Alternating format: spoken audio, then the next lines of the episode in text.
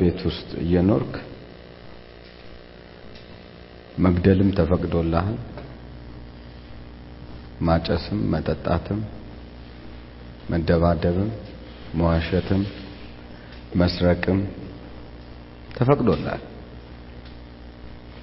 እንደ ድሮ እንደ ጴንጤ ልልክ አልፈልግም። አልተፈቀደም ምናምን ልልህ አልፈልግም። ተፈቅዶልሃል። ባትል ባይፈቀድልህ ኖሮ ልታደርገው ባልቻልክ ነበር። ስንቶቻችን እንዋሻለን? ስንቶቻችን ደስ የማያሰኘውን ነገር እናገራለን፣ እንሳደባለን። እግዚአብሔር ፈቅዶልን ነው ባይዘው ምርጫ ሰጥቶ ማለት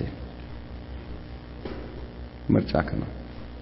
ልሳደብ ካልኩ ሙልጭ አድርጌ ሰድባለሁ። አውቶቢስ ተራ ምርጫዬ ነው። ስላላወቅኩ አይደለም፣ ምርጫዬ ስለሆነ ነው።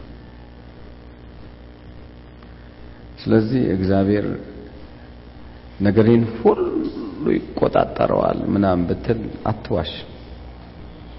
ሁሉን አሳልፎ ሰጥቷል። ለምሳሌ እግዚአብሔር ቀኔን ቀኔን እንትን ካለ ቀኔ ዛሬ ከሆነ ይገለኛል። እግዚአብሔር ገሎ ከያቀም ቀኔ ነው ካልክ አንተው ራስህ እቺን ገመድ ጠልጠል ብለህ መሞት ትችላለህ። ኢቨንዞ እንኳን የእግዚአብሔር ቀን አይደለም። ያው ቄሶች መጥተው ወይንም ደግሞ ፓስተሮች መጥተው አንድም ሰው ከዛ ቀን አያልፍም ብለው ዋሽተው ይሄዳሉ። እኔ ደግሞ አልዋሽም። ዋሹ ማንም ሰው በአፉ ቃል ይሞታል፣ በአፉ ቃል ይነሳል። ታሶል ምርጫክ ነው።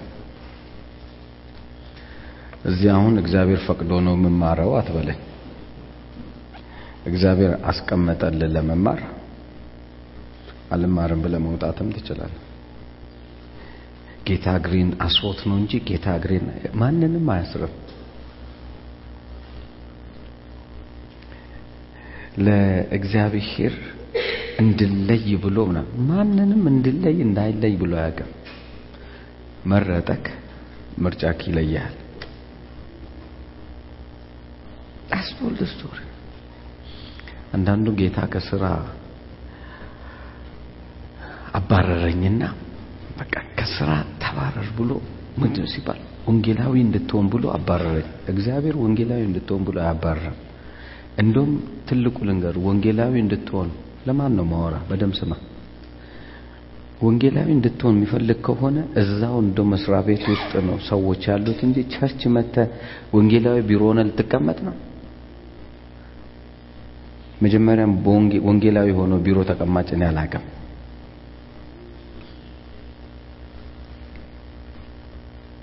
ውጭ ነው።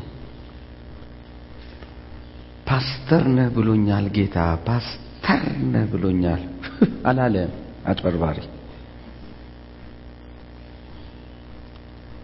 ፓስተር ማለት ሰዎችን ማብላት ምን የሚል ነው የሚችል ራስህን ማብላት የማትችል ሰውዬ ምን ሆነ ነው ፓስተር የምትሆነው? ከልቤ ልንገራችሁ ሰው ስንፍናውን በእግዚአብሔር ላይ አላኮ ነው። ይሄ ምንድነው ሲባል እግዚአብሔርን ካለ መፍራት የሚነሳ ነው። እግዚአብሔርን ሳፈራው ስቀር እንደፈለክ ነው የምታወራው፣ እንደፈለክ ነው። አንተ የመረጥከውን ሁሉ ነክ እግዚአብሔርን ሳትፈራ ስቀር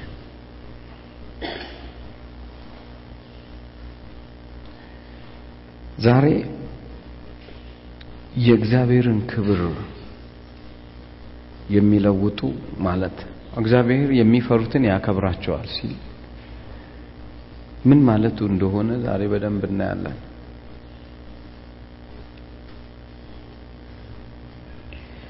መዝሙር 89 ቁጥር 6 እና ከስድስት እስከ ዘጠኝ እንመልከት።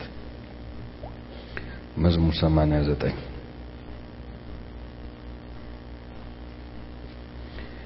መጽሐፉ አይዋሽም ብለን ካል መጽሐፉ እውነት ነው ካለን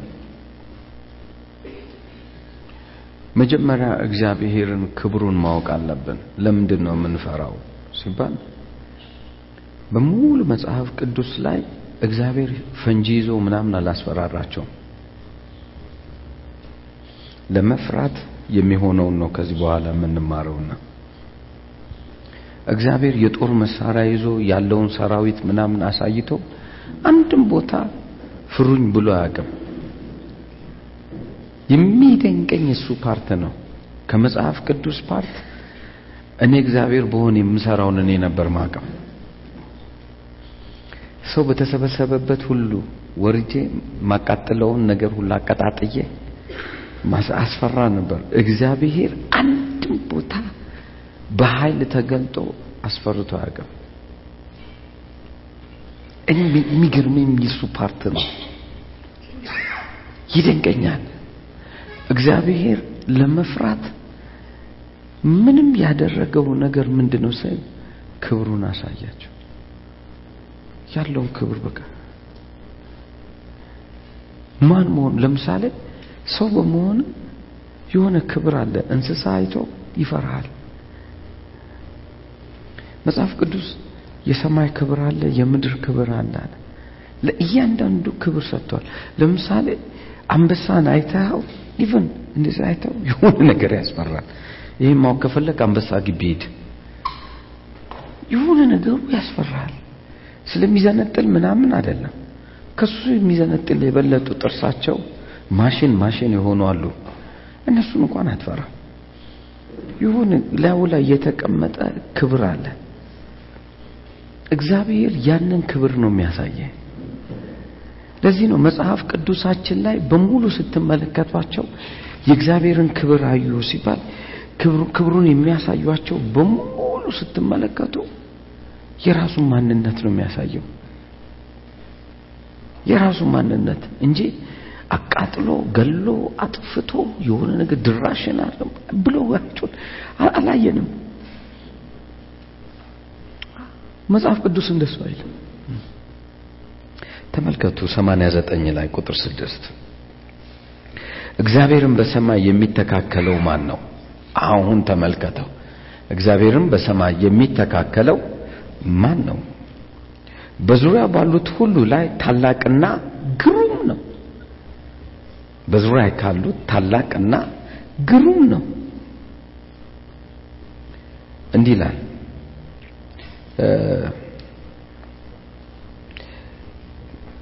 ግሩም ነው። የሚተካከለው ማን ነው? ከአማልክቶች ልጆች እግዚአብሔር ማን ይመስለዋል?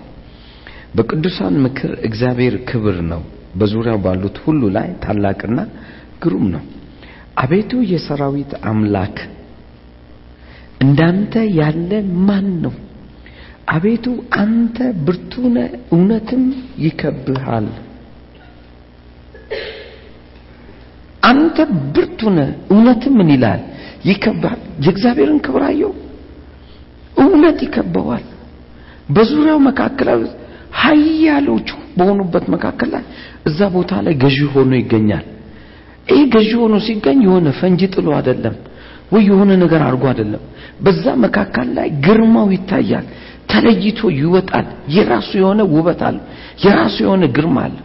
በአማልክት መካከል ላይ ማለት አምላክንም በሚሉ መካከል ላይ የሱ ክብር ይገለጣል። በጣም የሚደንቀኝ በመጽሐፍ ቅዱሱ ባኦልን የእግዚአብሔር ታቦትን አንድ ቤት ውስጥ ዘጉበት። ከዛ ማን ነው የሚባለው እንትኑ ዳጎን ዳጎኑ ምን ይላል ወድቆ ሰገደ። ወደቀ። ድንጋይ እኮ ነው። የሚደንቀው ነገር ሰገደ። ክብሩን መቋቋም ምን አይልም አይችልም። እግዚአብሔር ክብሩን ሲገልጥ ማለት ነው ክብሩ ግሎሪፋይ ያለው ነገር ስለሆነ የሰው ልጅ ሊቋቋመው ምን አይልም አይችልም። እግዚአብሔር የሚፈልገው ነገር የዛ የክብሩ ህይወት ተካፋይ እንድትሆን ነው። የክብሩ ህይወት ተካፋይ የምትሆነው ደግሞ አለ መጽሐፍ ቅዱስ የክብሩ ህይወት ተካፋይ የምትሆነው ደግሞ በዚህ መልክ ነው አለ ፍራኝ ለክብር ከተጠራ የክብርን ቤት ምን እላለሁ? አከብራለሁ ካለ አከብራለሁ ያለው አምላክ የክብሩን ቤት ሊያከብር ስለሚፈቅድ ስለሚፈቅድ ብትፈራው የክብሩ ቤት ትሆናለህ። ብትፈራው የክብሩ መገለጫ ትሆናል ብትፈራው ራሱ እግዚአብሔር በአንተ ውስጥ ምን ይላል? ይታያል። ውጭዋን እንዴት ነው ምርጫ አድርገህ prefer የምታደርገው የእግዚአብሔር የክብር ቤት መሆን ወይንስ ደግሞ አማኝ ተብለ በቃ መተራመስ? ውጭዋን እንዴ አንተ የእግዚአብሔር የክብር ቤት የመሆን እንትኑ እድሉንና እንትኑን ከሰጠክ እግዚአብሔር ለምን አትሆንም? እስቲ የዮሐንስ ወንጌል ምዕራፍ አንድን እንመልከት። ዮሐንስ ወንጌል ምዕራፍ አንድ።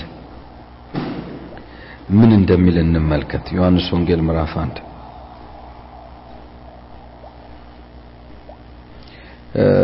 ቁጥር 10 እና 11 እንዲህ ይላል። ከዘጠኝ ልጀምርላችሁ። ለሰው ሁሉ የሚያበራው እውነተኛ ብርሃን ወደ ዓለም ይመጣ ነበር። በነ ሚዩ እውነተኛ ብርሃን ይመጣ ነበረ። በዓለም ነበረ። ዓለሙም በእርሱ ሆነ። ዓለሙም ምን አላለው? አላወቀውም የእርሱ ወደ ሆኑት መጣ። የገዛ ወገኖቹ እንኳን ምን አላሉትም? አልተቀበሉትም። did you see ነው እግዚአብሔር እስከነ ክብሩ እስከነ ማንነቱ መጥቶ ነገር ግን አልተቀበለውም አልያዙትም። ለምን ሲባል የሚፈራው ሰው ብቻ ነው የእግዚአብሔርን ክብር ማየት የሚችለው። የሚፈራው ሰው የገዛ ወገኖቹ ነው ያለው። even እንኳን አሕዛብ ቢል ኖሮ አዎ አሕዛብ ምናምን ትል ነበር መጀመሪያ ወደ ዓለም መጣ ሲል ዓለም አለ አሕዛብ በሚለው ተጠቀልለው ነበር። ወደዛ ወገኖቹ ወደ ገዛ ወገኖቹ መጣ። አልተቀበል እናውቃለን። ቃሉ የመጣልን እኛ ነን። ቃሉ የመጣልን እኛ ነን። በመንፈስ ቅዱስ ያምናሉ አይሁዶች? ያምናሉ። መንፈስ ቅዱስ እንዳለ ያምናሉ። አብ ወልድ መንፈስ ቅዱስ ይቻድ የሚሉት እሱ በሶስቱ አንድነት ነው ሶስት ነው ግን አንድ ነው በሚለው ያምናሉ። መንፈስ ቅዱስ አላቸው? አላቸው። በመንፈስ ቅዱስ ሰዎች እንደሚሾሙ ካህን እንደሚሆኑ እንደ ንጉስ እንደሚሆኑ እንዲሁም ደግሞ በሌላ ጎኑ ደግሞ ነብይ እንደሚሆኑ ያውቃሉ። መንፈስ ቅዱስ ነው ነገሩን የሚሰራ ብለው ነው የሚያምኑት የሚደንቀው ነገር ግን እግዚአብሔር እዚህ ጋር የጠየቀው ነገር ወደ ገዛ ወገኖቹ መጣ። አላወቁትም። ልክ እንደ እኛ ማለት ነው። አላወቅ ነው በመፍራቱ ውስጥ ብንገባ እግዚአብሔርን የሚገልጡ ነበር። በጣም የሚገርመው ታላቅም ፍርሃት ሆነ ይላል። እግዚአብሔር ባይዘው በደመና ወርዶ ሲሞላው ታላቅ ፍርሃት ይሆናል። ደመና ነው የወረደው ቤቱ ላይ ክብሩ ነው የወረደው ፍርሃት ሆነ። ተራራውን ወረደ። ቁጥቋጦ አይቃጠልም ግን ይጨሳል። ሰው ፈራ እግዚአብሔር ድምፁን አወራ። ህዝብ እስራኤል ሆይ ሲል አትናገር አንተ እኛ ምን እንላለን ሙሴን እንሰማለን አንተ እዛው ተናገር ለሱ እንደለመድከው። ፈሩም ተንቀጠቀጡም ይላል። ለምን ሲባል የገዛ ወገኖቹ እንኳን አያውቁትም። እግዚአብሔር ለእኛ በተገለጠበት በህይወት መስመር በክርስቶስ በኩል ያለ ህይወት ቀርቦልን ሳለ መፍራት የሚባለው የህይወት መስመር ውስጣችን ስለሌለ የሚደንቀው ነገር እግዚአብሔርን ክብር አናየው የእግዚአብሔር ህልውናውን አናቀው የእግዚአብሔር እጁን አናቀው እንደው የሚመስለንን ነገር ነው የምናደርገው። ይሄ እግዚአብሔር ይወደዋል ይሄ አይወደውም በሚል ነው ድምር የምንወጣው። ማን ይወደዋል ማን አይወደውም ያለው የራሳችን አይምሮ ነው ኢቭንዞ ነገር ግን እግዚአብሔር ያለው ነገር እንመልከት። ወደ ህይወቱ ቃል እንምጣ። የሱ ለተቀበሉት ሁሉ ግን በስሙ ለሚያምኑት የእግዚአብሔር ልጆች የሆኑ ዘንድ ምን ሰጣቸው ስልጣን። ይሄ ማለት ምንድነው? የእግዚአብሔር ያለውን ክብር ምን አረጋቸው ሰጣቸው። ክብሩን የሰጠ። ለምንድን ነው አሁን ጠንቋይ ቤት ስትሄድ ጠንቋይ የሚፈራ? ለምንድን ነው አሁን ተነስተ የሆነ ክፉ በሚሰሩበት ቦታ ላይ ስትገኝ ክፋቱ የሚለቀው? የሚደንቅ ነገር መስሪያ ቤት እንኳን ቁጭ ብለን ስለ ሃይማኖት አናወራም፣ ከዚህ በኋላ ሁለተኛ ስለ ሃይማኖት አናወራም፣ በቃ ትክክል፣ ከዚህ በኋላ የማናቸውን ሃይማኖት አናወራም ብለው 15 ደቂቃ ሳይቆይ የሚደንቀው ነገር ስለ ጌታ ይነሳል። ወዲያው ነው አንተ ባለህበት ቦታ በሙሉ ስለ ጌታ ይነሳል። whether you like even ፈዛዛ ክርስቲያን ሆንክ እንደገና active ክርስቲያን ሆንክ አንተ ባለበት መነሳቱ አይቀርም። ለመሰለ ክብር አለ። የማ ክብር አለ? የእግዚአብሔር ክብር። አንተ አይደለም አንተ ራስህ አላወራም ብትል እንኳን case ኡ ይነሳና ሲያወሩ ጣልቃ አልገባም ብለህ የተውከውን ነገር አንድ የተሳሳተ ነገር ሰማ። እኔ ግን የሚመስለኝ ታው ትባላለህ። ወላ ትምህርት ቤት ይሁን ወላ ምንም ለመሰለ በፊቱ ሊቆም ክፉ ምን አይልም አይችልም። ስለዚህ የግድ የነጻነት ቃል መውጣት አለበት። የነጻነት ጉልበት መለቀቅ አለበት። ዳጎን በፊቱ አይቆሙማ። የሚደንቀው ነገር እግዚአብሔርን ብትፈራውማ፣ እግዚአብሔርን ብትለማመደውማ፣ እግዚአብሔር ጋር በመፍራት ብትወጣና ብትገባ እኔ እነግርሃለሁ መንግስት ስላንተ ያወራል። እንኳን አይደለም ሰው ማን ያወራል? መንግስት መንግስት ስላንተ ተጽዕኖ በጣም ከባድ ነው። ተጽዕኖ በጣም ይሰማል። ኢሳይያስ 29ን እንመልከት። ኢሳይያስ 29 ምን እንደሚል እንመልከት። 29 ቁጥር 13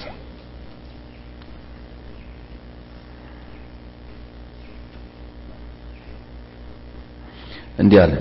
ጌታም ሆይ ሕዝብ በአፉ ወደ እኔ ይቀርባልና በከንፈሮቹ ያከብረኛልና። ተመልከቱ። ሕዝቡ በምንድን ነው? በአፉ ይቀርበዋል፣ በከንፈሩ ምን ይለዋል? ያከብረኛል። እግዚአብሔር ምንድን ነው ከኛ የሚፈልገው? ክብር አይደለ? እሱን ስትፈራው ምን አረከው ነው? አከበርከው። ነገርኩ። መጀመሪያ ስንጀምር ያወራነው ነገር ነበር። ያ ምንድን ነው? አንድ ሰውን ስታገኘው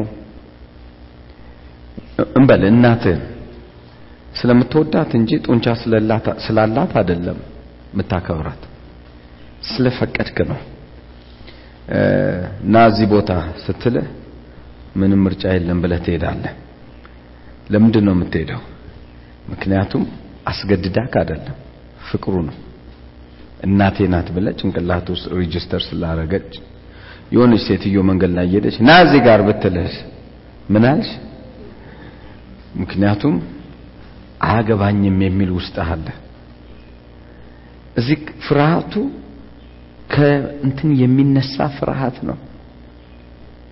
ከመውደድ የሚነሳ በጡንቻ ላይ ያልተመሰረተ በኃይል ላይ ያልተመሰረተ ነው። እግዚአብሔር ያንን ስርዓት ነው የሚፈልገው። ያንን ፍቅር ነው የሚፈልገው። ስለዚህ እግዚአብሔር እዚህ ጋር ሲናገር ይህ ሕዝብ በአፉ ያከብረኛል አለ።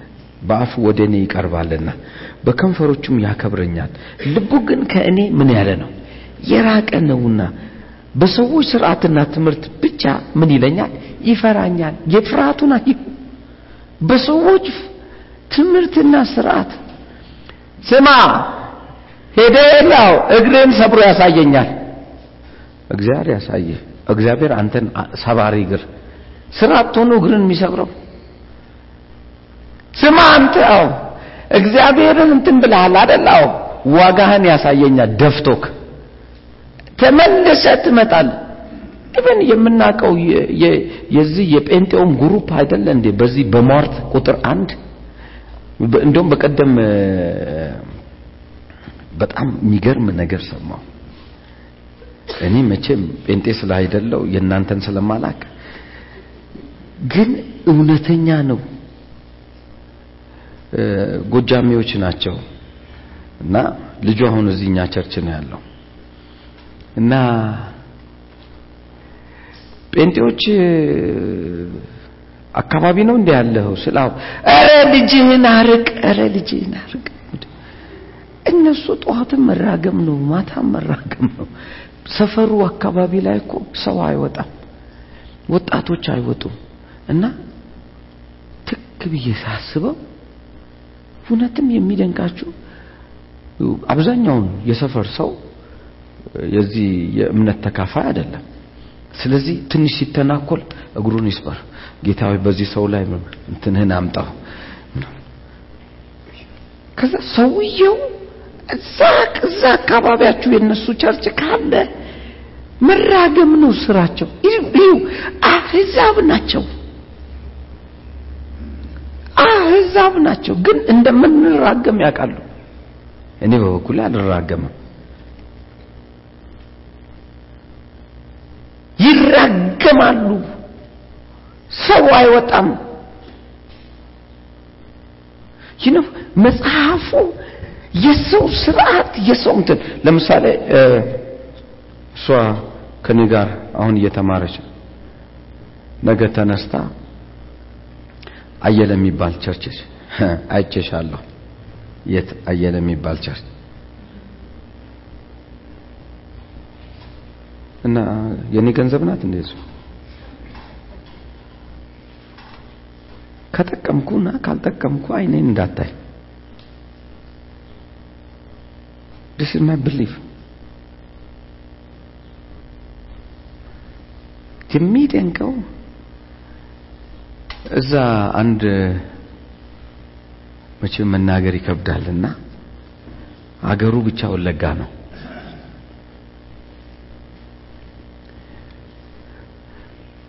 ሰውየው እዚህ church ዛሬ ያላችሁ ማንሽም ከዚህ church እግርሽ ወደ ሌላ church ብሄድ ወይ ሌላ ቦታ ብትገባ ብሎ ድንጋይ አንሱ አለ። ድንጋይ አስነሳ፣ ጭንቅላታቸው ላይ አስቀመጠ። ከዛ በኋላ በኢየሱስ ስም እንዲህ ድንጋይ ያርገኝ ሄድኩ። ይህ እኮ ከአራት ሺህ ህዝብ በላይ ነው እኮ ሰብስቡ። ምን ይለያል አሁን እዛ ከደብተራው ሰውዬ እንቁላል ጭንቅላት ላይ አቀምጦ ከሚረግም? እኔ ምን ነገር ከልብ ነው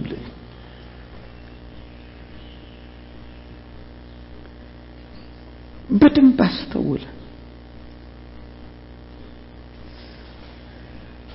የሰው ስርዓት በከንፈሩ ሲያመልክህ ወደ እግዚአብሔር በከንፈሩ የሚያመልከውን ህዝብ ስታመጣ አንተም በከንፈር ስታመልክ እንዲሁም ደግሞ በልብህ ሳትቀርብ ስትቀር እግዚአብሔር ትልቅ ነው ሃሌሉያ ምናምን እያል በከንፈር ስታጭበረብር እግዚአብሔር ሲያይክ ምን የሰው ስርዓትን ስትፈራ ሲያይ የሰው ቅድን ስትፈራ ሲያይ የሰው አስተሳሰብን ስትፈራ ሲያይ እግዚአብሔር ከላይ ሆኖ ወሰመት በከንፈሩ ስለሚያመልከኝ እኮ ነው እንደሚፈራኝ ይላል። በከንፈሩ ስታመልከው ትፈራለህ። ፍሪ ሰው ስትሆን ነው መልካም። ወደ ስታደርግ ነው መልካም። ፈቅደ ስታደርግ ነው መልካም። ስለዚህ በሰዎች ስርዓትና ትምህርት ብቻ ብቻ እኮ ነው በሰዎች ስርዓትና ትምህርት ብቻ ይፈሩኛል።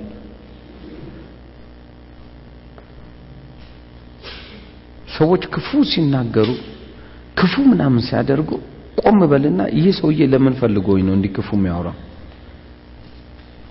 ይህ ሰው ለምንድን ነው ክፉ ነገር የሚያወራው? በማናቸውም ሰው ላይ ክፉ ሲያወራ፣ በአንተ ላይም ክፉ ሲያወራ ምን ፈልጎ ነው? የራሱን ክብር የራሱን በአንተ ላይ መንገስን ወይ የራሱን ስልጣን ሊያሳይ እግዚአብሔር አንድም ቀን ትልቅ ሆኖ ሳለ በአንተ ላይ ክፉ አያስብም። never አስቦ ማያውቅም። ለምን ያስባል? እግዚአብሔር ያሳየ መኪና የሰራው ሰው ነው። ኒሳን company ነው። ኒሳን company ውን እንትኑ መኪናዬን ካልሰበርኩ ይላል። ኒሳን company የራሱ ነው። እንደፈለገ ማድረግ ይችላል። አንተም የእጁ ስራ ነህ። ተመልሶ አንተን ጠላት የሚሆን ምን አረከው? ምን ምን ፈጠርክ? ስለዚህ እኮ የኃጢአተኛው ሞት እኔ ምን አልልም አልፈቅድም። even እንኳን ኃጢአተኛው ሲሞት ማየትን አልፈልግም። እግዚአብሔር አለ በጣም የሚደንቀኝ ነገር የወደቀ አይነሳምን even እንኳን የእግዚአብሔርን ሀሳብ ተመልከት። ገና ሲያምድ የወደቀ እንኳን ምን ይላል? ይነሳል። ወድቋል ብለው እንኳን የደመደምከው እንኳን አለ? የእግዚአብሔር ሆፑ ይሄ ነው። ህይወቱ ይሄ ነው ብራዘር። እግዚአብሔርን መፍራት ገንዘብክ ቢሆን እግዚአብሔርን መፍራት ሀብትክ ቢሆን እግዚአብሔርን መፍራት በህይወት ላይ የመጀመሪያና የመጨረሻ ቢሆን ፍጻሜ ያለክ ሰው ነው ማለት ከመልካም ነገር ምን አትል አትጎልም። ስለዚህ ነገሩ ያለው አንተ ጋር እንጂ ሰዎች ጋርም አይደለም፣ አንተ ጋር እንጂ ወይም ደግሞ የሚቀበሉክና የማይቀበሉክ ቦታ ላይ አይደለም። ምክንያቱም እግዚአብሔርን አክብረ ነው አይደለም ያከብ እግዚአብሔርን ክቡር ነው ስላልነው አይደለም የከበረው። ታላቅ ነው ስላልኩ አይደለም ትልቅ የሆነው። ብርቱ ነው ስላልከው አይደለም ብርቱ የሆነው። ልክ እንደዛው ብርቱ ነው ተባብረን እኛ እሷን አሁን ብርቱ ናት ብርቱ ናት እያልን ብንጮ አንዳች ምንጨምርልናት የለም። የሚደንቀው ነገር ልክ እንደዛው በላይፍ ላይ ማንም ምንም አይጨምርም፣ ማንም ምንም አይቀንስም። ኃይልን ብቃትን የሚሰጥህ ማ ብቻ ነው? እግዚአብሔር። እመነኝ፣ ኃይልን ብቃትን ማንም ውሸት ነው። እንትና እንዳለው ዋናው ሞራል ነው፣ ዋናው ሞራል ነው ሲለው ዋናው ሞራል ነው ሞራል ለነ ቀነኒሳና ለነ ደራርቱ ነው የሚሰራው አለ እንጂ ላይፍ ላይ አይመለከትም አለ። እውነተኛው ነገር ሞራል ሰጠህም አልሰጠህም ባይዘው ወይ ያለህን ነው የምታወጣው። ሩጫምና ምንም ልብ ትፈነዳታለህ እንጂ የኢትዮጵያ ሕዝብ በሙሉ ሆ እያለ ቢሮጥና አሁን አንተ መቶ ሜትር ብትሮጥ ሀምሳው ሜትር ላይ ወይ faint ነቅላልን ትመጣለህ።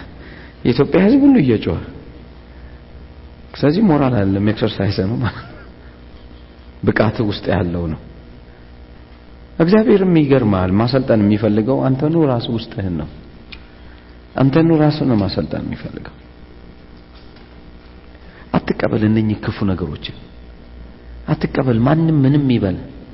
ኢቭን እንኳን መጥቶ አንድ አገልጋይ ተብዬ እንኳን መጥቶ እግዚአብሔር እንዲህ ይላል ከፊት ላይ ጠራርጌ የምወስደው ነገር አለ።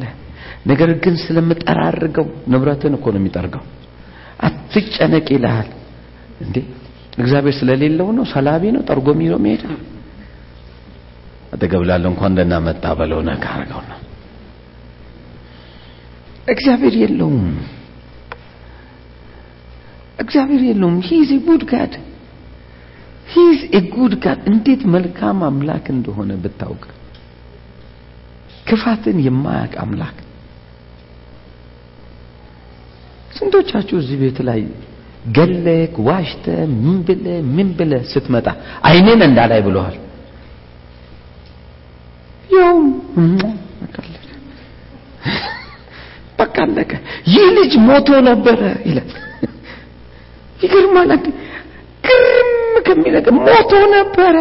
አሁን ግን ፍሪዳ ይታረድለት፣ በዚህ ይግባ፣ በዛ ይውጣ። የእግዚአብሔርን እይታ ተመልከት። ስብከት አይደለም ይሄ እውነተኛው የእግዚአብሔር ባህሪ ነው የምነግርህ።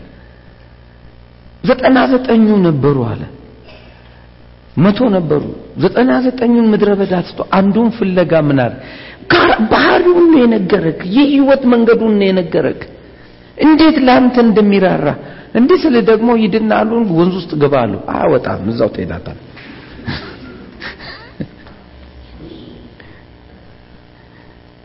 በጌታ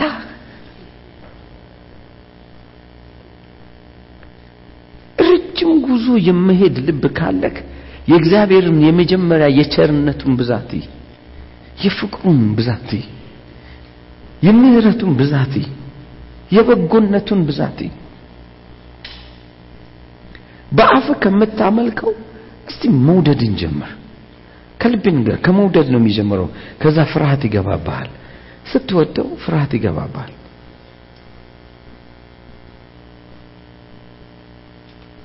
ፍርሃት ይገባብሃል።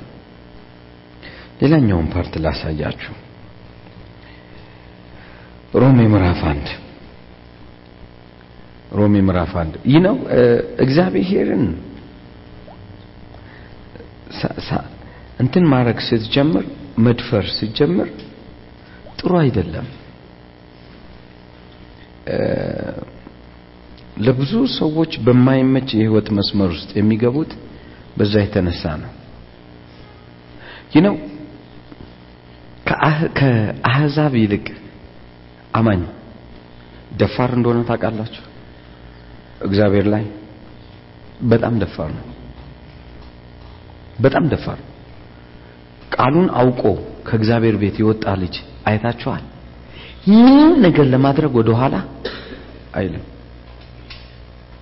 ይሄ common sense ኡ ይጠፋዋል common sense ኡ ይጠፋዋል ማለት የአኗኗር ምድር ላይ የአኗኗር ዘይቤዎች አሉ። ከጎረቤት ጋር አብረህ የምትኖረው ኑሮ አለ።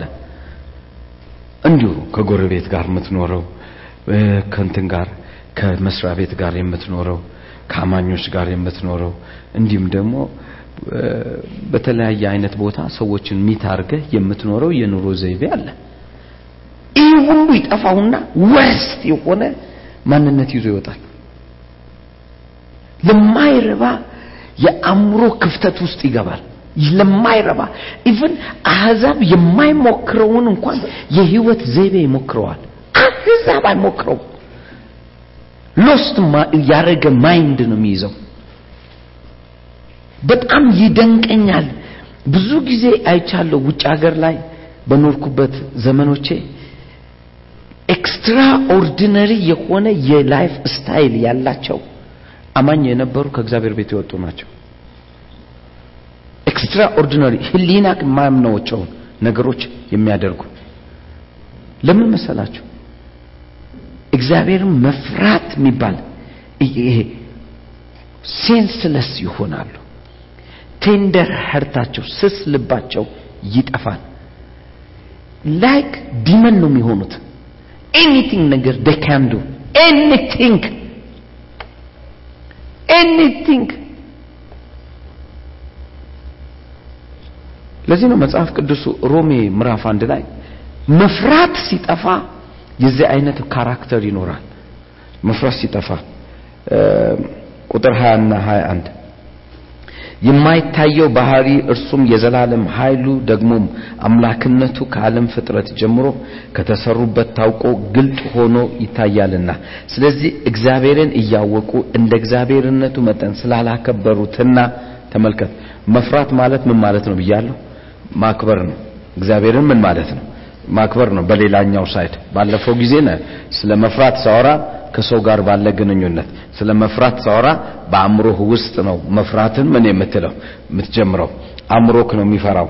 አእምሮክ አለ እግዚአብሔር አብሮኝ አለ እግዚአብሔር ከዚህ ጋር አለ። ሁል ጊዜ እግዚአብሔር በዙሪያ እንዳለ አድርገ ታስባለ ስለዚህ አእምሮ ውስጥ ምን ትላለህ ስለተቀረጸ ስለታየ ስለሚወደኝ ስለሚያፈቅረኝ እኔን ፈልጎ ስለመጣ አብሮኝ ስለኖረ ስለምፈራው ይህንን አላደርግም ይህንን አልሰራም አላማም አልዋሽም ሰላምን እሻለሁ ከክፉ ጋር አልተባበርም። ልክ እንደዚሁ ደግሞ ሁለተኛው part ላይ mind ውስጥ ነው ፍርሃቱ ያለው። በ mind ህ ውስጥ ነው በአእምሮክ ውስጥ ነው እንጂ የተገለጠ ነገር የለም። በማይንድህ ውስጥ ነው። አሁን ግን እየተማር ነው ያለው። አክብርን ስታከብረው መፍራትን ምንድነው ምልክት ነው። ስታከብረው እግዚአብሔርን ስታከብረው ማለት እሱ የወደደውን ነገር አብረው ስትሆን እንዳከበርከው በዛ ነው የሚያውቀው። በከንፈሩ ያመልከኛል ልቡ ግን ከኔ ምንድን ነው አለ። የራቀ ነው። ስለዚህ በከንፈር ከምታመልከው ይልቅ ምን ያለ ነው? እግዚአብሔር ትልቅ ነው። በሌላ አማርኛ አንድ ጊዜ አንድ ሰው እንትን እንዳለው ላሳያችሁ። ከዚህ ቀደም ነግሬያቸዋለሁ። ሰውየው በመንገድ ላይ የሄደ ጅብ በላው። ጅብ በላውና ጅቡ የሰው ጅብ ነበረ። እና መጥቶ ክጥፍ አድርጎ በላ። መልአኩ ጋር የተበላው አማኝ መልአኩ ጋር ወደ እግዚአብሔር ቤት ሊገባ ሲል እንዴት መጣ ሲል የሰው ጅብ በልቶኝ የሰው ጅብ በልቶ አዎ የት ነው ያለው? ምድር ላይ አሳየኝ ዛሬ ገለዋለሁ አለ መልአኩ። ወረደ ወደ ምድር ማለት ነው። ወደ ምድር ሲወርድ ሰውየው እንትን ጅብ ሆኖ still እየሄደ ነው። ጅቡን አቆመውና አወራው። ለምንድን ነው እሱን የበላኸው? አለ። እኔ አልበላሁትም አለ የእግዚአብሔር ወዳጅ ከኛ እንደ አንዱ ቤተሰብ የሆነውን ነው የበላኸው። እንዴት በላው? ልገል ነው ሲል እኔ አልበላሁም አለ። እንዴት አለ? እኔ አልበላሁም። እንዴት ነው ያልበላኸው ሲል ይሄው እና ላሳይ ብሎ ወደ በላበት ቦታ ወሰደው። ልክ ሲወስደው አፉ ቁጭ ብሏል። ከዛ ምንድን ነው ሲል በአፉ ስለሚያምንቅ አፉን ትቼልሃለሁ አልገባም ፈረንሳይ። አፉን ምን ብዬልሃለሁ ትቼልሃለሁ የማምነውን በሙሉ ምን ብዬዋለሁ? በልቼዋለሁ ስለዚህ እኔ ልንገራቸው ለምን ዩላ ዩሰልፍ ለምን ራስን ትዋሻል ከልቤ እንገራ እንደው ቁርጥ ያለ ሰው ሁኑና ውሳኔ ወስኑ ለምን? አፍ እያመለከ ልብ ከእግዚአብሔር ርቆ የሚሄድ ከሆነ አስበው።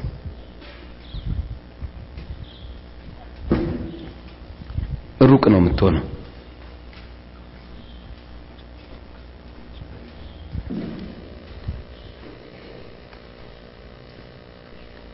በደንብ ስማኝ በዚህ ምድር ላይ ስትኖር ውሳኔ ወስን ከጌታ ጋር የምትኖር ከሆነ መፍራትን ጀምር። አከብረዋለሁ በል። ድፍረት ይብቃ። በከንፈር ብቻ አታምልከው። ልብ ከተያዘ በልብ በተያዘው ነገር ላይ ኑርበት። እኔ አትሳሳትም አልልህም። ማንም ሰው ስለሚታስ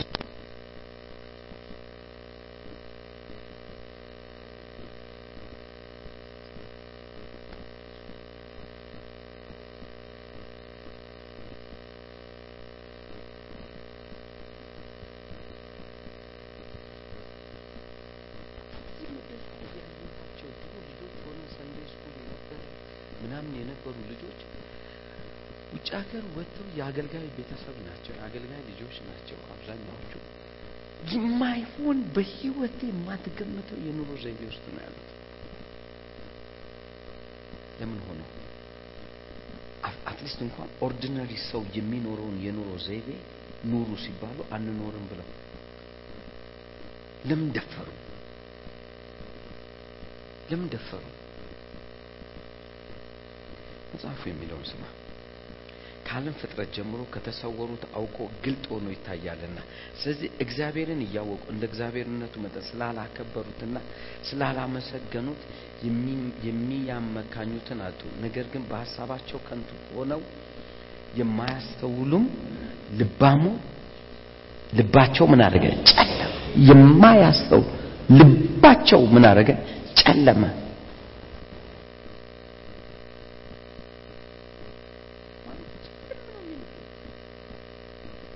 ዋት ዱ ምን እንደሚሰሩ እንኳን አያውቁትም ምን እንደሚያ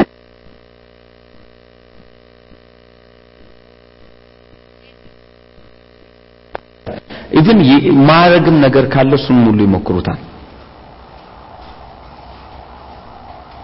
ለምን እንደዚህ አይነት ሰዎች ሆኑ? እሹ እግዚአብሔርን መፍራት ማክበር የሚባለው ነገር ከውስጣቸው ስለወጣ ነው አይታችኋል ሰዎች ከእግዚአብሔር ጋር እልህ ተያይዘው የማይፈልገውን ሁሉ አደርጋለሁ አደርጋለሁ። ምንም ነገር አደርግ መጨረሻ ላይ ራሳቸውን በማይመች ቦታ ላይ በማይመች አጣብቅኝ ውስጥ ገብተው በዛው ይሸኛሉ። ለምን እንደዚህ አይነት ህይወትን መኖር ትፈልጋለህ? እንደ ቁጣው ምክንያቱም እግዚአብሔር ቸር ነው ካልክ ለማይረባ አእምሮ እንዳትሰጥ ከፈለግክ ማክበር ጀምር። it's so simple ማክበር ጀምር። all life ከልቤ ልንገራችሁ። በእጅ ላይ ነው ያለው። በእጅ ላይ ነው። ሁሉ ነገር ስትይዘው ደግሞ ባዶ ነው።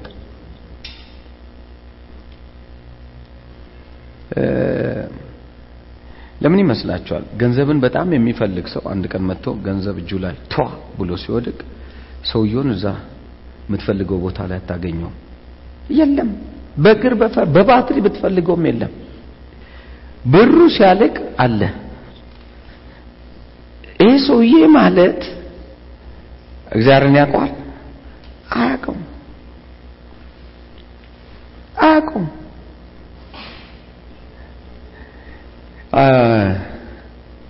አንድ ፓስተር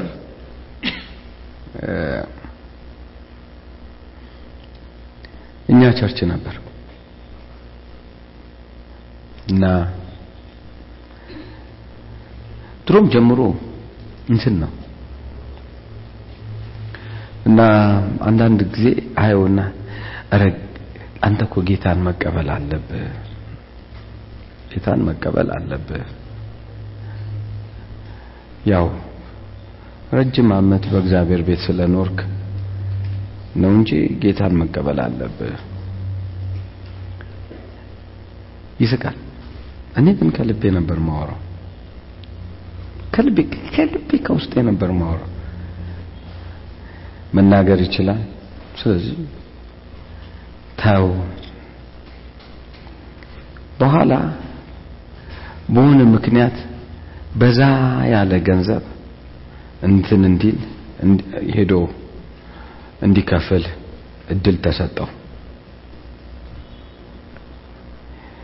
ሪሲት አጽፎ መጣ ከፍያለሁ ብሎ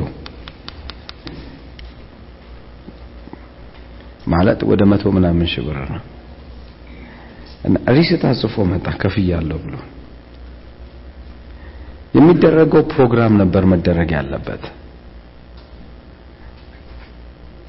ለፕሮግራሙ ነው ያ የሚከፈለው። አርጋሃል? አዎ አርጌያለሁ። እውነትህን ነው? አዎ። ጠፋ ጠፋ ጠፋ ጠፋ ማለት ጠፋ በቃ ጠፋ። ምን ነው ሲባል ልጄ ታሞብኝ በዚህ ገብቼ ሚስቱ ጋር ስንደውል ኧረ ከቤት ከጠፋ አስራ አምስት ቀኑ ነው። የት ነው ያለው? ሐዋሳ ላንጋን ነው።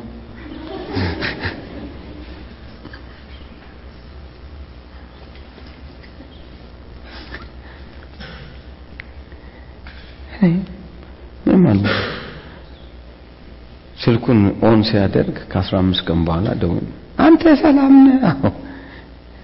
እንዴት ነው? ሰላም ነኝ፣ ምንም ችግር የለም፣ ምንም ችግር የለም። ከዛ አጣጥቧት ማለት ነው መጣ። ልጆቹ እዚህ ቂጣረውባቸዋል።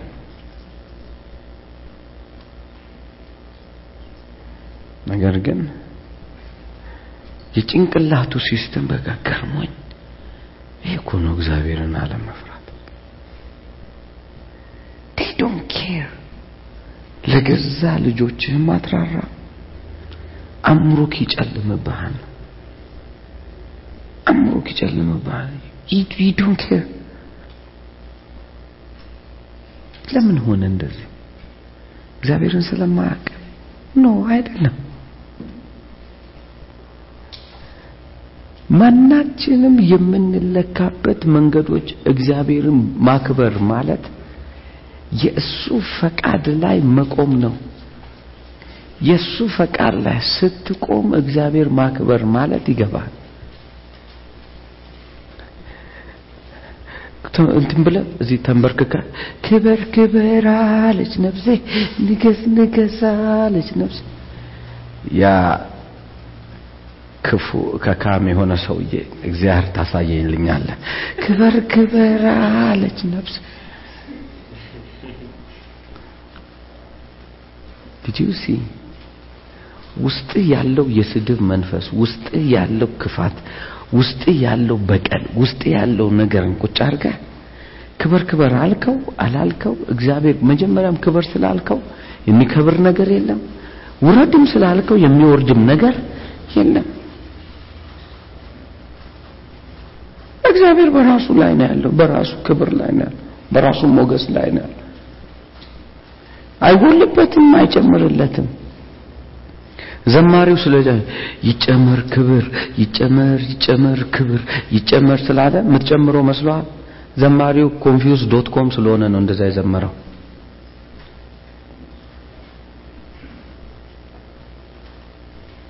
የምትጨምረው ምንም ነገር የለም።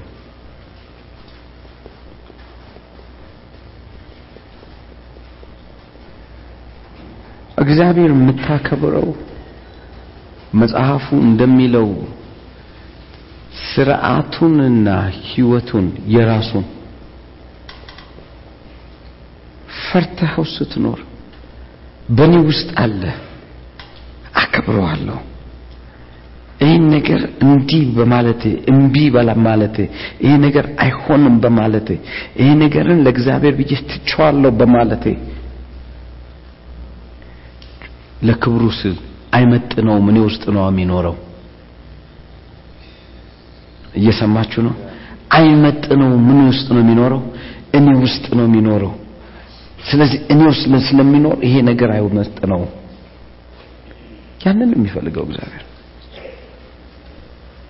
በዛ ህይወት ውስጥ እንድታልፍለት ነው የሚፈልገው። እንጂ ምላስህን ምንም ልዩነት የለውም። የቡና ቲፎዞች እንደሚሉት የቡና ቲፎዞ ይዘምሩ የለ ካምቦሎጆ ተሻገር ያለው ቡና ነው። ምን ችግር አለ? ቢራ ደግሞ ቅዱስ ጊዮርጊስ ቢራ የሚዘማ ድልድል ይሸተኛል። ኦ አይደለም የሚሉት? እና ስቴዲዮም ያሉት አምነው ነው የሚዘምሩት?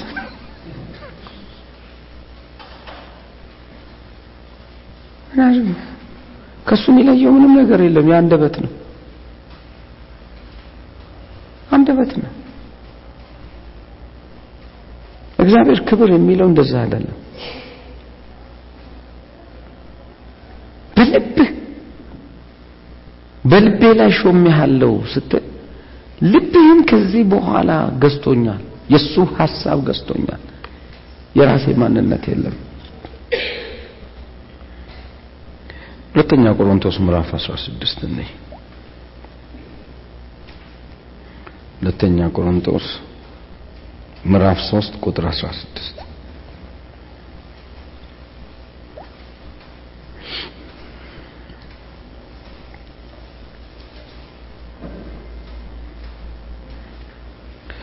እንዲህ ይላል።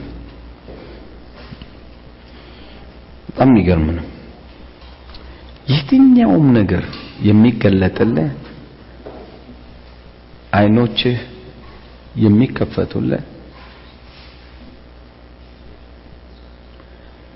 በእርግጠኛነት ምነግርህ አይኖችህ የሚከፈቱልህ መጋረጃውን ከፊት ስታነሳ ብቻ ነው። ህግና የህግ ውጤቶችን ፊት ላይ ካመጣሃቸው ከልቤ ነግርሃለሁ ያስሮሃል በስነ ስርዓት ያስሮሃል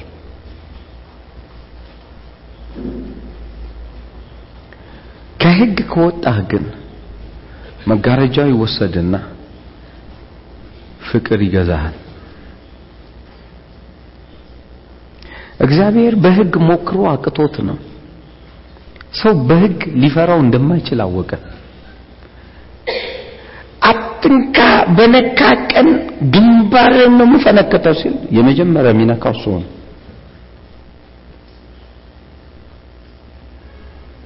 እግዚአብሔር ሲጀመር የሞከረው ሙከራ በህግ ሰውን እንዲፈሩት ለማድረግ ነበር። አልቻለም። በቃ አለቀ። አልቻለም ማለት አልቻለም። እግዚአብሔር ያልቻለውን አንተ ትሞክራል ራሱ እግዚአብሔር አልቻለም። በህግ ሰው ማቅረብ አልቻለም። አንድስ እንኳን ምን የለም ጻድቅ የለም። ሁሉም ኃጢአትን ምን ብሏል? ሰርቷል።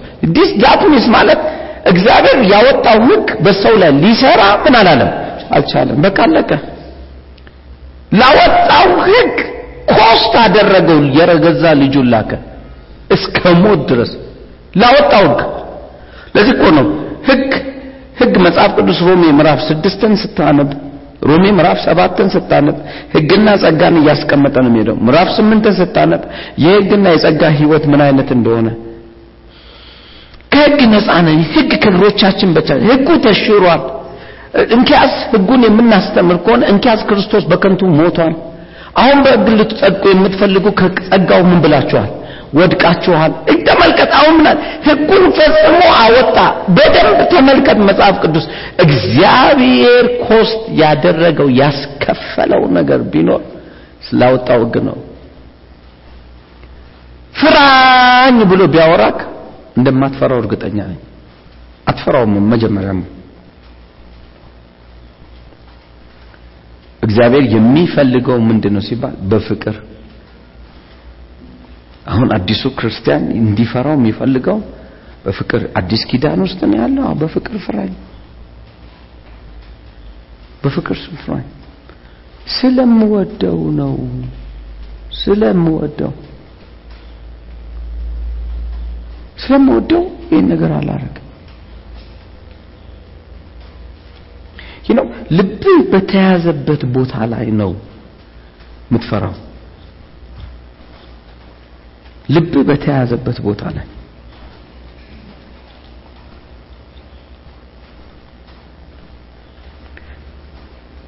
እግዚአብሔር ሰው ሲፈራው ሲያይ ደስ ነው የሚለው። ሲፈራው ማለት በእግዚአብሔርነቱ በፍቅር ሲፈራው ሲያይ ደስ ይለዋል። ወደ ጌታ ግን ዘወር ባለ ጊዜ ሁሉ መጋረጃ ምን ይላል? ይወሰዳል። ሁሉ መጋረጃ ይወሰዳል፣ ይወሰዳል። የሕግ ስርዓቱ ይወሰዳል። የፍቅር ስርዓት ይገባባል። ይህ ነው ኢየሱስ ስለ ሕግ ሲያወሩት አያቸውና እነኚህ ሁለት ሕጎች ብቻ ይቀራሉ፣ ሌሎቹ ሁሉ ካንስል ሆኗል አለ። አትስረቅ፣ አትግደል፣ አትዋሽ፣ አታመንዝር፣ የባልንጀራህን እንደዚህ ምናምን ምንም አትመኝ፣ እንዲህ የሚለውን ነገር በሙሉ ጻፈና ይሄ ሕግ በሙሴ ነው የተሰጠው አለ። ነገር ግን ኢየሱስ ምን አለ? መልካም ነው አለ። ሕግ ግን በሁለት ይጠቀለላል አለ። ምንድነው ሕጉ የሚለው ሲል ሕጉ የሚለው አለ ወንድምህን እንደራስህ ውደድ በቀል ምን ይሉታል በእንግሊዞች ይህንን እንትን? ጎልደን ሎው ወይም የወርቃማው ህግ ይሉታል። ወንድም እንደራስ ውደድ እግዚአብሔርን በፍጹም ልብ በፍጹም ኃይል በፍጹም ነፍስ ምን በለው? ውደድ በቃ። እነኚህ በሙሉ ህግን ይፈጽማሉ አለ። በቃ ሌላ ህግ መፈለግ የለም። በፍቅር ውስጥ ብትገባ እነኚህን ህጎችን ምን ትላቸዋለህ ትፈጽማቸዋል። ከፍቅር ከወጣ አልችለውም። አሁን ምን አለ? ፍቅር ብቻ እንደሚገዛው ፍቅር ብቻ እንደሚገዛ እግዚአብሔር ከመጀመሪያው ትምህርቱ አስወጥቶ ወደዚህ ነገር ውስጥ ገባ። የመጀመሪያው ትምህርት አትንካ አትቅመስ አትዋሽ አትግደል አታመዝር ሌላ እንትን አታርቅ ንብረቱን አትመኝ ምናምን አት ወንድሜ ይሄን ሁሉ ለማድረግ ብትሞክር ከልቤ ነግርሃለሁ በአንደኛው ትወድቃለ ማንም ሰው ሊጸድቅ ምን አይልም? አይችልምና። ስለዚህ ሰው ሊጠብቀው አልቻለም። ብቁ ሆኖ አልተገኘም። ባይዘው አዲስ ነገር የሚመጣው አሮጌው ነገር ምስላላ ነው? ብቁ ሆኖ ስላልተገኘ ነው። ብቁ ሆኖ ስላልተገኘ አዲስ ነገር መጣ። አዲስ ነገር መጣ ማለት ደግሞ አሮጌው ተሻረ ማለት ስለዚህ እግዚአብሔር አዲሱን ነገር ያመጣበት ምክንያት አሮጌውን ለመሻር ነው። አሮጌውን ለመሻር ሲፈልግ ደግሞ በፍቅር ነው አለ። ስለዚህ ፍቅር ደግሞ ፈቃድ ነው። ደግሜ ላለው ፍቅር ደግሞ ፈቃድ ነው። ፈቅደ የምታደርገው ነው። ቁጭ ብለህ እንኳን የፊልም አክተር አይተ እኔ ሰውዬን ወደዋለሁ መብት ነው ሰውየው አያውቅም ሰውየው የደረሰበትን አታውቅም። ከዚህ ቀደም የሰራው ፊልም ነው። ይሙት ይኑርም አታውቅም። ፊልሙ ደስ ይለኛል ይገርማል። ይህን ሰውዬ ስወደው ምናምን ትላል። ፈቃድ ነው። ስለ እንትኖች ምንድነው ስሙ? ጂኦግራፊ እኔ እንስሳት ወዳለሁ የእንስሳት ፕሮግራም ማየት ጊዜ ካለኝ National Geography ማየት ደስ ነው የሚለኝ በጣም ያስደስተኛል። ማለት ግርምንም ከገረሙኝ በህይወቴ ውስጥ ለአንተም ጭንቅላት ጥሩ ስለሆነ የእግዚአብሔር ለእንስሳት እንኳን እንዳይሞቱ አስቦ የሰጣቸው instinct ይገርመኛል። ለምሳሌ አንድ አሳዎች አሉ። በጣም እንትን ናቸው ትንንሽ ናቸው። ማለት እችን እችን እጄን የሚያክሉት አሳዎቹ የሚኖሩት ግን ከአሳ ነባሪ ጋር ነው ስለዚህ አሳ ነባሪ ሁሉ በአንድ ጊዜ እንዳይጨርሳቸው ብሎ እግዚአብሔር የሰራው ነገር ብታስቡ ለነኚህ አሳዎች በአንድነት የሆኑና አራት መቶ ሺህ ምናምን የሚሆን አሳ በአንድ ላይ ይሆንና በጣም ግዙፍ ከአሳ ነባሪው ግዙፍ ይሆናል። ከዛ በኋላ ወደ አሳ ነባሪው ይሄዳሉ። አሳ ነባሪው ይሸሻል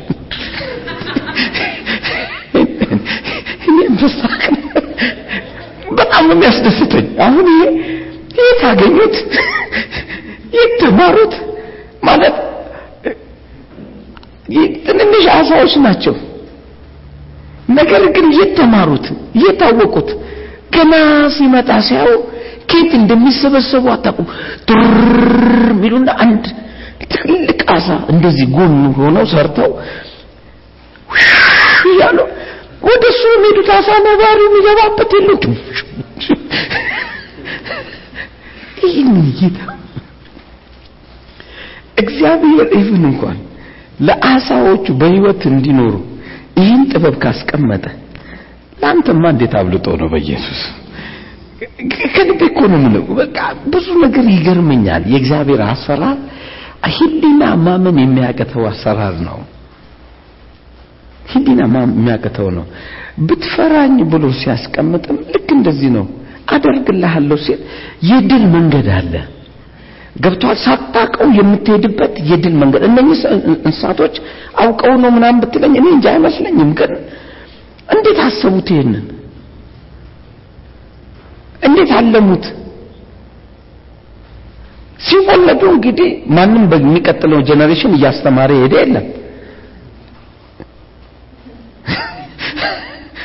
እንደኛ ትምህርት ቤት ምናምን የለ። ግን እንዴት ነው ኮሌጅ የበጠሱ እነሱ? አንዳንድ ጊዜ የምናስባቸው አስተሳሰቦች እንዲሁ ዝም ብለን ያው ታገሉ ተብሎ የተለቀቀ ስለሚመስለን ህይወት በመታገል የምንኖር ሰዎች እዚህ ጋር እግዚአብሔር የሚለውን እንስማ። ብትፈራኝ በፍቅር ብትገባ በቃ ፍቅር ብቻ ይገዛኛል አለ እግዚአብሔር። ከሰማይ ያወረደኝ ያንተ ፍቅር አንገብግቦኝ ነው አለ ሲያወራ እኮ አይመስለንም። ለምን እንደማይመስል ታውቃለህ? አንተ አይገባህም የእሱን አይነት ነገር። እስቲ በዚህኛው ሳይድ እንመልከት። ከሰማይ የመጣሁት አለ። ከምን የመጣሁት? ከሰማይ የመጣሁት እግዚአብሔር ነው ያለው። ከምን የመጣሁት? ከሰማይ የመጣሁት። ያንተ ፍቅር አንገብግቦኝ ነው። እና እንዲህ ብሎ ጻፈ። ስለ ወዳጆቹ ወይም ደግሞ ስለ ብሎ የሚሞት ሰው ይኖር ይሆናል አለ። ስለሚወደው ሰው ብሎ ወይም ስለ ወዳጆቹ ብሎ የሚሞት ሰው ሊኖር ይችላል። ነገር ግን ስለ ጠላቶቹ እንጃ እንዴት እንደምታስብ። ስለ ጠላቶቹ ብሎ ነፍሱን ግን የሚሰጥ የለም። እንደም እንኳን ደፋው አይደለ እንዴ የምንለው? ጠላት ወድቆ ብታገኘው የምትለው ነገር ምንድን ነው በቃ ሞቶ ብታገኘው የሚገርም ነው ትላል ምን ነው ሲባል? አይ እግዚአብሔር ቀን ይፈርድ እኮ ነው። ራስን ጠብቅ እንጂ እሱ ቅን ይፈርዳል። ለሰው ታወራለህ ደውለ ተደፋ እኮ እንትና ዋናው ቅን ሆነ ተገኘ እንጂ ፍርዱማ ፈጥኖ እንደሚወጣ እናውቃለን። ፀሐይን መውጣቷ ስለማትቀር ምናምን ብለህ ጥቅስ ነው የምትጠቅሰው። ለምን? ምክንያቱ አንድ ነው። በቀልን እናምናለን። እግዚአብሔር ግን ስለ ጠላቶቹ ሲል ደግሞ ጠላቶች ብሎ እኮ አይጠራንም። ጠላቶቹን ወዳጆች ብሎ ጠራ። እግዚአብሔር ይህን ያህል ነው አሮ ነው valueless የሚያደርገው ነገር ምንድነው? እኛ ለሱ የምንሆነው ነገር ስለሌለን valueless ሆነብን። አይትነቅ እግዚአብሔር አትወደኝም ቢልክ። እኔ እወድሃለሁ ምናምን። ይህ ከሁለት ደቂቃ በኋላ ማን እንደሆንክ አንተው ራስ ራስን አታውቀውም። ስለዚህ እግዚአብሔር ያለውን ትዝ ይላችኋል? በጣም የሚደንቀኝ ነገር። ያው ክርስቶስ እግዚአብሔር ነውና እኛ ሁሉን ትተን ተከተልን። እኛ እኮ ያለንን ትተን የተከተልን። ወጣን ገባን አንተ ንጉሥ ትሆናለህ ብለን አስበን ነው ምናምን ሲል እኔ አሁን እሞታለሁ ሲል እሞታለሁ? እስከ መጨረሻው ልሞትልህ ዝግጁ ነኝ አለ። እንግዲህ ጴጥሮስ ነው ሁሉ የሚለፈልፈው? ሌሎቹማ ምን እንደሚሉ አሱ እሱ እንደዚህ ካለ ሌሎቹም ስላልተጻፈ እንጂ ቡራ ከረዩ ነው የሚሉት። ዘራፍ እኔ ክርስቶስ አሽከር ምናምን እንደሚሉት እንዳሁኑ ማለት ነው። ምክንያቱም እሱ ያኔ ጌታ መምህር ብለው ነበርና የሚጠሉት። ልክ አሁን አሽከር ስትባል የማን ነው? የፊት አውራሪ አሽከር ነኝ ካልክ በቃ ከዛ የመጣ ነው እና ስለዚህ እኔ እንትን የኢየሱስ አሽከር ዘራፍ ምናምን ሲሉ ኢየሱስ ሁሉንም ያያቸዋል ሲጨርሱ ከናንተ አንዱ እንኳን ከኔ ጋር ሊሆን ምን አይልም? አይችልም። ሁላችሁም ወደ ቤታችሁ ትበተናላችሁ ሲል ጴጥሮስ አበደ። እንዲህ አትበለኛል ጴጥሮስ ሶስት ጊዜ ትክደኛለህ እኔ እኔ ይረግመው ጀመረ ኢየሱስም ይሄ ሰውዬ ሁለተኛ ጊዜ ሲረግመው ሄደ። ክዶት መጣ። መሪር ሐዘን አዘነ ይላል። ባይዘበ መንፈስ ቅዱስ ካረዳ በስተቀር እግዚአብሔርን እንኳን አትወደውም። በያው በእግዚአብሔር ፊት ነው የምልህ። መንፈስ ቅዱስ ሲረዳ ነው የምትወደው። ምክንያቱም የፍቅሩን መንፈስ በውስጣችን ምን አለው? አፈሰሰው። ስለዚህ ለካ የፍቅሩ መንፈስን መፍሰስ ነው ያ የፍቅሩ መንፈስ የፈሰሰበት ሰው ስለ ፍቅሩ ምን ይላል? ራሱን ይሰዋል። ስለ ምንም ነገር ግድ አይሰጠውም። እንዲህ እንዲህ ችግር አለ እንዲህ እንዲህ ችግር አለ በዚህ የተነሳ ሰዎች ሁሉ ቢጠሉ ምናምን ብትል ምንም አይመስልም። ሳታዩት ትወዱታላችሁ የሚለው ቃል ውስጥህ ነው ያለው። ስለዚህ ፍርሃት የሚባል ነገር የለው ምን ይላል? ፍጹም ፍቅር ፍርሃትን ምን ይላል? ያስወጣል። ስለዚህ ስለ ጌታ ፈርተ የምትኖረው ነገር ሲኖር ፍርሃት የሚባለው ነገር ነጻ ትሆናል ፍርሃት የሚባለው ነገር ፍቅር መለኪያው ምንድን ነው ዳንኤል በሰዎች ፊት አትፈራም። ለሰዎች ብለ ለምታገኛቸው ጥቃቅን ለጊዜያዊ ነገር ብለ ራስን አትሰዋም። ፍቅር ቢኖርክ ከልቤ ነግርሃለሁ እግዚአብሔርን እያከበርከው ትሄዳለህ። ፍቅሩ በፍርሃት ነውና የሚያዘው። ፍርሃቱ በጣም ቀላል ነው። ጭንቅላት ነው ብያለሁ። ስንቶቻችሁ በህይወታችሁ ወዳችሁ ታውቃላችሁ? በቃ ፍቅር ይዟችሁ ምናምን እና ፍቅሩ ውስጣችሁ ገብቶ ነው ውስጤ ነው ያለው ውስጤ ነው ወይ አልወጣለ ምናምን። አልወጣለ አልወጣም ብሎ አይደለም። እኔ ዝም ብዬ አስበዋለሁ ካልክ በቃ እሱ ነው ፍቅር ሌላ ምንም የለም። ፍቅር የሆነ ነገር እንትን ነው ይይዛል ይገላል። በጣም የሚገርም ነገር ምግብ አላስበላ ይላል። ሞዞኮ ዛጋዚ አይደለም። ጠዋትና ማታ ቁጭ ብለ ምን ትለዋለህ? ታስበዋል በቃ ሌላ ምንም ነገር አለ። ቡሌ ብላ እኔ አልበላም በቃኝ። ለምን? ሐሳብም interrupt የሚሆን ይመስላል እና ወዲያው ግን ስለምትወደው ሰው ወይም ስለምትወጂው ሰው ወይም ስለምትወደው ሴት ይወራ። ኧረ አንተ አይኗን አይተሃል ጆሮዋስ ወየ ትነቃለህ አይኖች bright ይሆናል ስለ ሌላ ሲወራስ ይጨልምባል ምክንያቱም ጭንቅላት በማን ተይዟል? በሰውየው ነው። ሰውየው ከራቀስ ይሄ ሰውዬ ክፉ ነው። ወይኔ ተሸወርኩ። የዛን ነው ጠላት የምትሆነው ዳዳ ፍቅሩ ውስጥ ነበረ። ተው ከበደ። ውስጥ ፍቅሩ አልነበረ ሐሳብ ነበረ። ሐሳቡ ወዴት ሄደ? አሁን ደግሞ ወደ ጠላት ተቀየረ። ፈካለከ ምንም ሌላ ነገር የለም። አብዛኛውን ጊዜ አላየም ሰዎች። ወደዋለሁ ወደዋለሁ ያሉትን ሰው ባገኘው ስጋውን ክትፎ አርጌ ነው የምበላው። ክትፎ አርጌ ጌታ ምስክሬ ነው ክትፎ አርጌ ነው እና ያለሱ መተንፈስ ሁሉ አልችልም ነበር ያሉት። አሁን ደግሞ ክትፎ ሊያረጉት ነው። እንዴት ሆነ? በቃ መጀመሪያ የሚወዱት ምን ውስጥ ነው? ሀሳብ ውስጥ ነው። okay አሁን ደግሞ እግዚአብሔር እንዲህ አለ። ከልቤ ልንገርህ ይኸው ይህ የምታውቀው ያንተው እግዚአብሔር እንዲህ አለ። ውደደኝ አለ። በምን? በሐሳብ በቃ ልክ። ውደደኝ። በቃ በቀን በቀን እኔን አስበኝ ፍቅር ማለት ለኔ አለ። አስበኝ እኔ ካንተ ጋር አለው እንዳለው ምን በለኝ አስበኝ አብሬ ስትወጣ እንደምገባ አስበኝ። ስትበላም ስትጠጣም አብሬ ሽንት ቤትም ስትገባ የሆነ መስሪያ ቤትም ስትሄድ አብሬክ እንዳለሁ አስበኝ። እኔን ስታስበኝ እኔን የሚመጥነኝ ነገር አድርግ። እኔን እኔን ሊመጥነኝ የሚችል ነገር አድርግ። ምክንያቱም የምትወደው ላይ የሚመጥነውን ነገር ነው የምታደርገው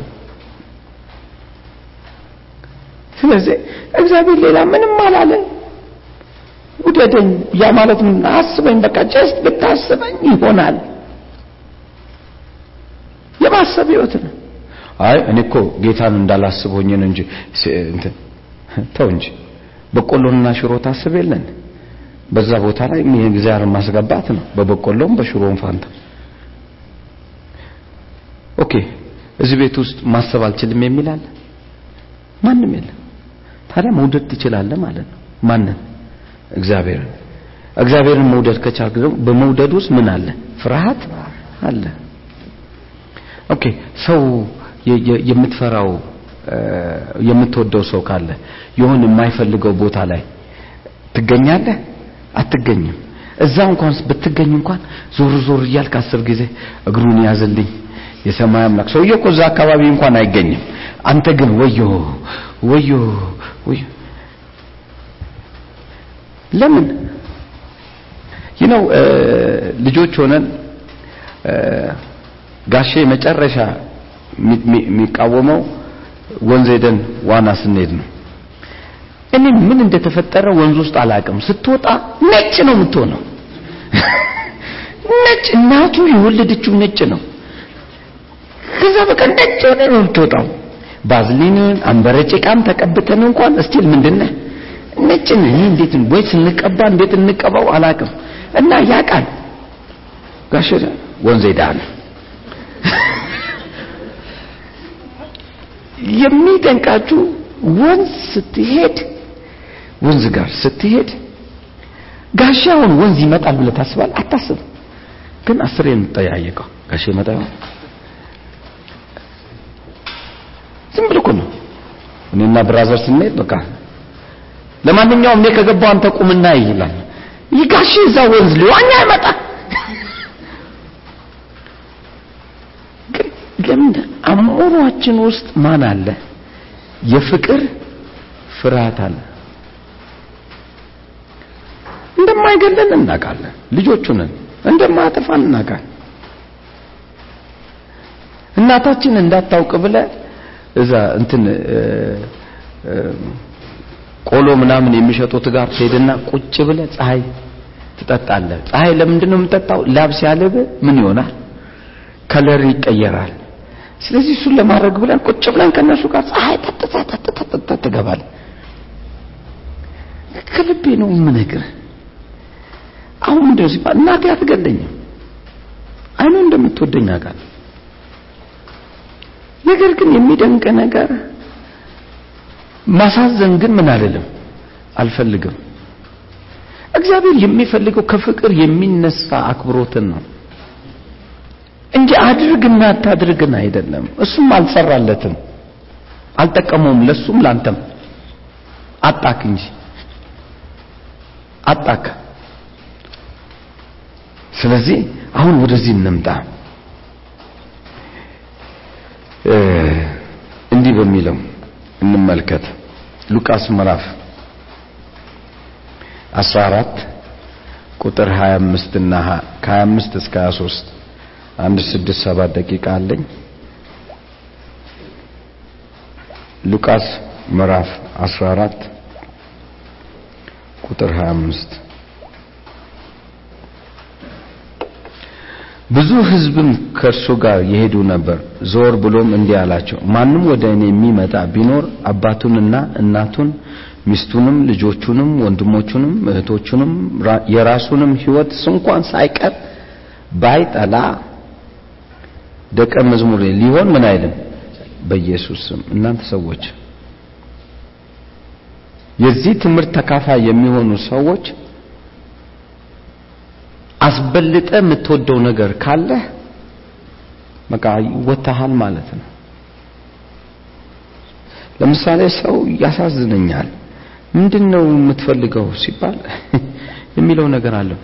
እኔ ከፊልም ከፊልም ጌታ ፊልምን ብቻ አይንካብኝ እንጂ ሌላው ምንም ችግር የለብኝም። አንዳንዱ ደግሞ ምን ይላል? አንድ ድሮ ድሮ ድሮ የነበረኝ እጮኛ አለ እሱን ጌታ አይንካብኝ እንጂ በቃ ምንም ችግር የለም። አንዳንዱ ደግሞ እናቴ፣ አንዳንዱ ልጅ፣ አንዳንዱ ማጂና ጋዙባ ፍቅሩ አልገባህም። ፍቅሩ አልገባህም። የፍቅሩ ጉልበት አላየውም። ፍቅሩን ስታውቀው ሌላ ማለት ለኔ የተወ ነው ያለው። ስንት እጥፍ ይቀበላል? መቶ እጥፍ። የት? በሰማይ አይደለም። የት ነው ያለው? በዚሁ ምድር ላይ ስንት እጥፍ? መቶ እጥፍ። የት ምድር ላይ? እዚሁ ምድር። ስለዚህ እግዚአብሔር የት ነው የሚከፍልክ? ስትፈራው ምንም አታጣም ስለሱም ያጣኸውን ነገር እንኳን እዚሁ ምድር ላይ ምን ትለዋለህ? ታገኘው። አሁን ይሄ እግዚአብሔር ሐሳብ ነው። ከናንተ ግንብ ቢሰራ የት ነው? ምዕራፍ 14 ቁጥር okay ማን ማንም መስቀሉን ተሸክሞ በኋላ የማይመጣ ደቀ መዝሙሬ ሊሆን ምን አይልም አይችልም። ከናንተ ግንብ ሊሰራ የሚወድ ለመደምደሚያ የሚበቃ ያለው እንደሆነ አስቀድሞ ተቀምጦ ኪሳራውን የማይቆጥር ማን ነው? ያለዚያ መሰረቱን ቢመሰርት ሊደመደም ቢያቅተው ያዩት ሁሉ ይህ ሰው ሊሰራ ጀምሮ ሊደመድመው ምን አለም አቃተው ብለው ሊዘብቱበት ይጀምራል። ወይም ሌላውን ንጉሥ በጦርነት ሊጋጠም የሚሄድ ከሁለት እልፍ ጋር የሚመጣበትን በአንድ እልፍ ሊገናኝ የሚችል እንደሆነ አስቀድሞ ተቀምጦ የማያስብ ንጉሥ ማን ነው? ባይሆንስ ሌላውን ሌላው ገና ሩቅ ሳለ መልእክተኞች ልኮ እርቅ ይለምናል። እንግዲህ እንደዚሁ ማንም ከናንተ ያለው ሁሉ የማይተው ከናንተ ያለውን ሁሉ የማይተው ደቀ መዝሙሬ ሊሆን አይችልም። ጨው መልካም ነው። ጨው አልጫ ቢሆን ግን በምን ይጣፍጣል? ታሪኩን በሙሉ አስተውለህ ከሰማው ምንም ነገር ከፍቅር ሊበልጥ ምን አይልም አይችልም። አንዳንዱ ለልጁ ሲል ነው ጌታን የሚያመልከው። ጌታ አደራህን ልጅን ብቻ አዝልኝ። አንዳንዱ ደግሞ ለአባቴና እናቴን ጠብቅልኝ፣ የኔ ጌታ እናትና አባቴን ጠብቅ። አንዳንዱ ወንድሞቼን ባሉበት ሀገር ላይ በሰላም ማሳድራቸው። በቃ እኔ እገዛላለሁ። እግዚአብሔር ከላይ ሆኖ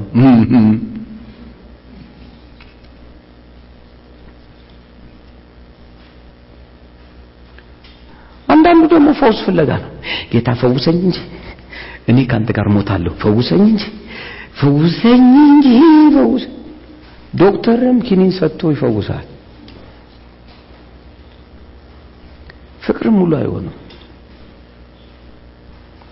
አንዳንዱ ገንዘብ ስጠኝ፣ ጌታ ገንዘብ ይለቅልኝ፣ በቃ ገንዘብ ይለቅልኝ፣ ገንዘብ ይለቅልኝ፣ በቃ ከጌታ ጋር አብሬ በሰላም እኖራለሁ። ማን አንተ?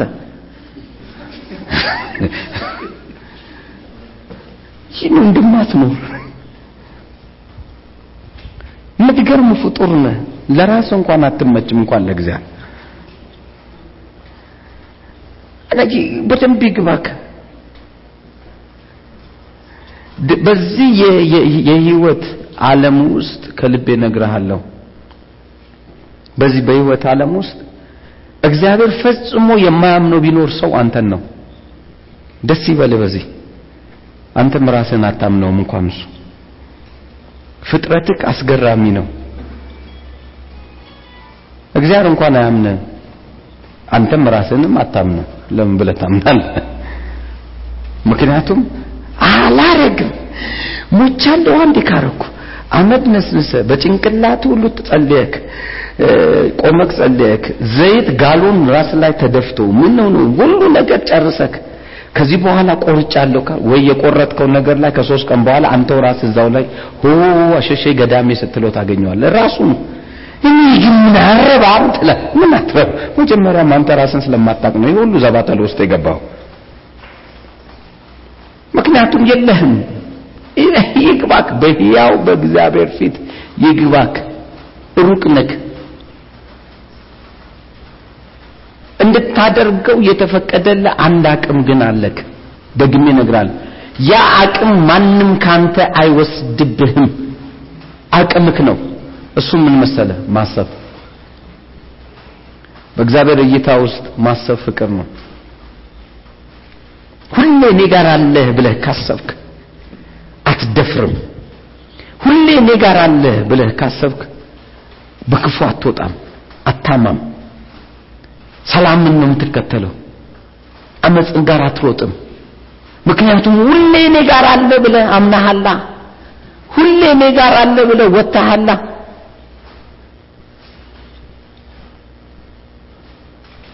ምርጫው ላንተ ነው። ትዝ መጽሐፍ ቅዱስ መፈራቴስ ወዴት ነው ብሎ መጽሐፍ ቅዱስ ያስቀም መከበሬስ ወዴት ነው? አባትነቴስ ወዴት ነው? እግዚአብሔር ይህን ሁሉ ያለው በፍቅር ውስጥ ይጠቀለላል። ብታፈቅረኝ መፈራት መች ጀምራል አላያችሁም? ግዙፍ የሆነ ቦክሰኛ ይሁን አገር ሁሉ የሚፈራው ጡንቸኛ የሆነ ቢራቢሮ የምታክል ልጅ ወዶ ከዛ በኋላ ኦ በጊዜ ነው ምገባው ለምስባ ሴትዮዋ ትጮኻለች። እየሰማይ ነው? ማን ትጮኻለች ይላል ሴትዮዋ። በምንድን ነው የገመታት ሴትዮዋን? ከሱ ጡንቻ በላይ አእምሮን ይዛዋለች። እየሰማችሁ ነው ከሱ ጡንቻ በላይ አእምሮን ይዘዋለች ስለዚህ ተሸንፏል። የት ሂዴ ሰውዬ? በጡንቻ አትበልጠው። እንደ እንትን ተጋፍታ እንኳን ይህን ምንም ደግሞም ላይኖራትም ይችላል። እሱ ይሆናል የሚያኖራትም ነገር ግን ፈርቷት ይኖራል። የሚኖርበት ምክንያቱ አንድ ነው። ሐሳቡን ይዘዋለች። ያንተን የሚፈልገው እግዚአብሔር ምን እንዲይዝ ነው ሐሳቡን እኔ ልንከራቸው ወደፊት አገልጋዮች ነው የምትሆኑት። ግን ከምንም በላይ የምጠይቃቸው አንድ ነው። እግዚአብሔር አገልግሎታችሁን አይደለም። እግዚአብሔር አቅማችሁን አይደለም። እግዚአብሔር ገንዘባችሁን አይደለም የሚፈልገው። አንድና አንድ የሚፈልገው ምናችሁን ነው? ሐሳባችሁን ሐሳባችሁን የሚፈልግ ከሆነ እግዚአብሔር ሐሳባችሁ ውስጥ ፍርሃት የሚባል አለ። የምታስበው ከሆነ ትፈራዋለህ። የማይፈልገው ቦታ ላይ አትገኝም።